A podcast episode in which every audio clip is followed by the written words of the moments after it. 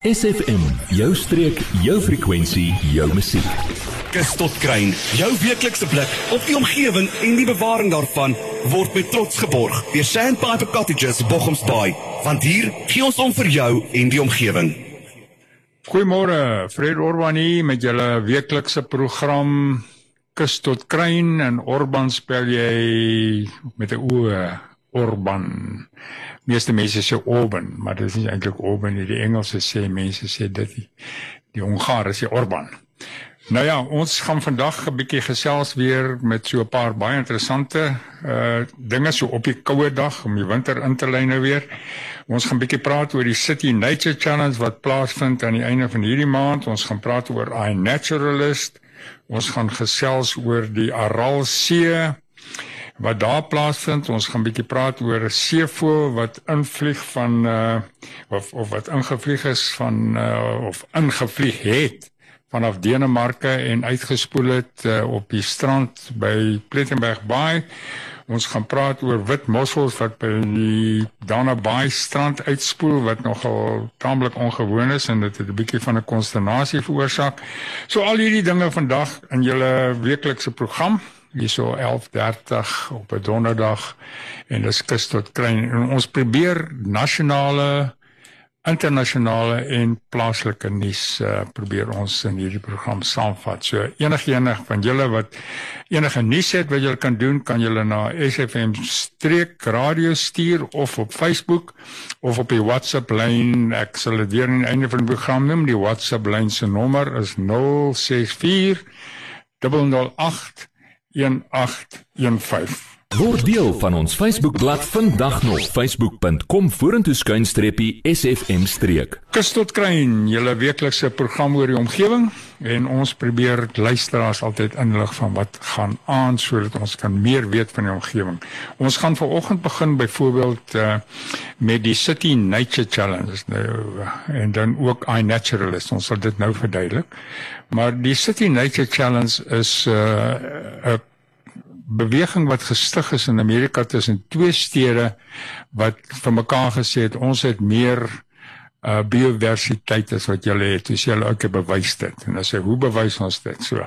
Toe begin hulle met 'n 'n reeks en sê nou ons sal 3 dae van die jaar kies of 4 dae van die jaar kies en op daai 4 dae neem julle af of laat julle julle luisteraars deelneem aan die afneem en die die database skep van enigiets wat julle sien in die natuur wat vir julle snaaks lyk.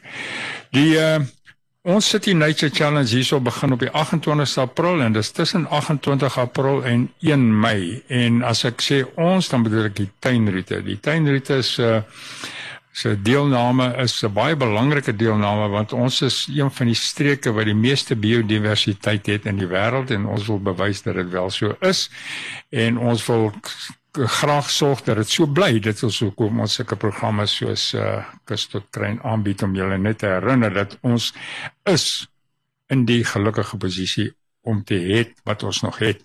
En ek sê altyd en die rede hoekom ons nog dit het is omdat ons so baie mee begin het. So kom ons hou dit op daai uh trant. Ons gaan nou gesê die uh dit wat is dit? Dis 'n wêreldwye kompetisie. Ons uh hoe gaan ons deelneem? Dit kan julle kyk op die Toep. Dis 'n app op die City Nature Challenge. Hoekom moet ons deelneem? Uh, ons moet deelneem as 'n gesin sodat ons belang kan stel in die natuur en dan moet ons uh hierso op uh, op foto en op die database sit uh, op iNaturalist en dan skep ons daai database wat Sanbi gebruik dis die South African National Bio Institute sodat ons kan sien wat het ons in die Weskaap. SFM, 'n juweel van die Suid-Kaap. Kaap, Kaap. Yes, ons het nou gesels oor die City Nature Challenge en asseblief julle kan na die toep toe gaan en ook op uh uh die Google go Google en dan kyk julle onder inaturalist.org inaturalist is soos in ina inaturalist.org en ook die City Nature Challenge en neem gerus deel. Maar nou gaan ons 'n bietjie spring na die ehm uh, internasionale nuus. Ek het onlangs uh op die internet opgetel dat die Aralsee wat die grootste binnelandse see is in of die vierde grootste binnelandse see in die wêreld was. Hy's nou nie meer nie. Hy was 68000 vierkante kilometer gewees En vandag is daar na 10 jaar, 15 jaar later is daar net so wat 60% van die oppervlakte verlore geraak en 80% van die volume van hierdie binnelandse see verlore geraak. So sy status is die vierde grootste binnelandse see in die wêreld het nou heel wat laer gedaal. Ek dink hy's nou hier by 7, 8 of 9. Hoekom is dit?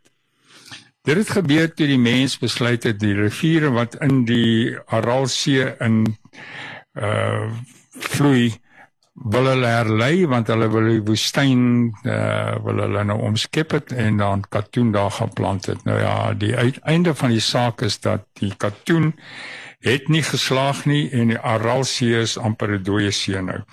So ons moet baie oppas vir hierdie inmenging van die mens op dis nou op 'n groot skaal, maar ons kan dit terugbring na ons eie tuine en ons eie agterplase kan ons dit ook bring want in die Okavango wou hulle op 'n stadium die Okavango rivier droog gelê het sodat hulle die woestyn meer vrugbaar kan maak uh, in Botswana en dit het hulle uitgewerk sal nie betaal nie want die Okavango sal droogloop en dan sal daar nie 'n binnelandse meer wees nie en dit sal die hele biodiversiteit van die gebied uh, opvoeder. So kom ons as mense leer die lesse wat en die foute wat gemaak is in die verlede, kom ons kyk hoe ons kan help om dit te verbeter. Elkeen van ons as 'n individu as ook koöperatief. Ko jy, ja jy.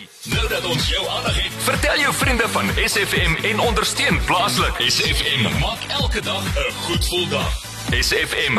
Die bietjie interessante nuus internasionaal soos ek in begin van die program gesê het op ons kus tot kruin program Fred Orban hierso ons het gepraat van die seevoël wat in Denemarke gering is 18 maande gelede deur uh een of ander voël entoesias uh burgerlike wetenskaplike waarskynlik iemand soos jy en ek wat toe deel van 'n voëlklub was daai voël is gering daar en uit uitgespoel by uh Plettenberg baie ongelukkig uh, oorlede en hulle het hom opgetel en volgens die ring het hulle gesien dat hy 18 maande terug daar gering is in Denemarke. Dit beteken hy voel dit omtrent 10500 km ver gevlieg soos uh, as 'n mens vat soos reguit lyn maar hy het waarskynlik baie verder as dit gevlieg. En dit wys jou hoe hierdie voëls uh die hele wêreld vol gaan en ons as mense weet dit nie eers nie.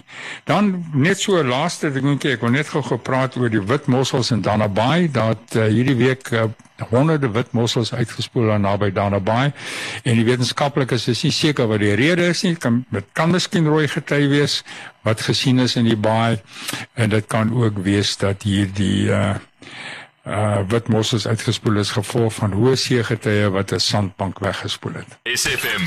Ons kikker jou dag op. Daar's 'n ding wat my al baie pla en ook uh baie omgewingsbewuste organisasies uh soek eintlik na die volgende. Ons praat eers oor oor uh Cape Nature wat altyd ere beamptes gehad het wat hulle aangestel het wat help om die amptelike mense van Cape Nature buite staan. Daai erebeampte poste lyk my het verval en uh daar van die organisasies soos Midbrak Bewaar byvoorbeeld wat dit weer aan die gang probeer kry. En dan uh wil ons 'n bietjie ook gesels oor die feit dat uh hierdie erebeamptes is baie belangrik en dan wil ek nog ook nog iets byvoeg. So 20 jaar gelede het ons met toe ons met MEP was, die Mosselbaai Environmental Partnership, het ons probeer om 'n uh, 'n warm lyn daar te stel by die munisipaliteit by die plaaslike owerheid in Mossel Bay. Uh wat ons wat ek nou hierso gaan sê is uh ek dink ek hoop die begin van 'n beweging om dit wel reg te kry. Mense sien dinge wat plaasvind in die omgewing en dan weet hulle nie wie om te skakel altyd nie. My gevoel is dat elke plaaslike owerheid insluitende Eden munisipaliteit, Eden distrik munisipaliteit en ook Mosselbaai munisipaliteit, Nysna, Sedgefield, Stilbaai, al die plekke wat in ons streek is, ons graag aanmoedig om 'n environmental desk of 'n omgewings warmlyn of wat noem hulle dit 'n blitslyn te skep sodat alle navrae en en klagtes wat oor die omgewing gaan by een plek kan uitkom en van daar af moet dit versprei word. En ek dink as 'n plaaslike owerheid uh, inisiatief wat gerus bietjie na gekyk word en ek sal graag van die bewaringsers en al die bewaringsorganisasies kry dat ons uh, koppe bymekaar sit en kyk of ons nie so iets in die gang kan kry nie. Kom ons probeer dit want uh, dikwels wil ons iets rapporteer maar ons weet nie aan wie nie. Ons kry skilpaadjie en dan gooi ons hom terug in die see en hy moes nie eintlik in die see teruggaan want ons het nie geweet wat om te doen nie. Kom ons begin En ons sien dan uit om weer volgende week met julle te gesels en onthou die WhatsApp lyn van uh SFM streek is 064 008 1815 of op die Facebook bladsy van SFM Streek Radio. Baie dankie julle en lekker lekker luister en pas maar julle omgewing op en berei maar voor vir die iNaturalist Intercity Challenge. Hierdie program was vir jou gebring deur Sandpiper Cottages in Bochomsbaai, weggesteek in 'n ongerepte baai in Bavaria, off the beaten track, slegs 30 km vanaf Mosselbaai. Kontak Sandpiper Cottages via die webwerf sandpiper.co.za of per WhatsApp 081 071 6735. Adverteer jou besigheid vandag nog op SFM. Vir meer inligting skakel SFM gerus by 044 801 7811.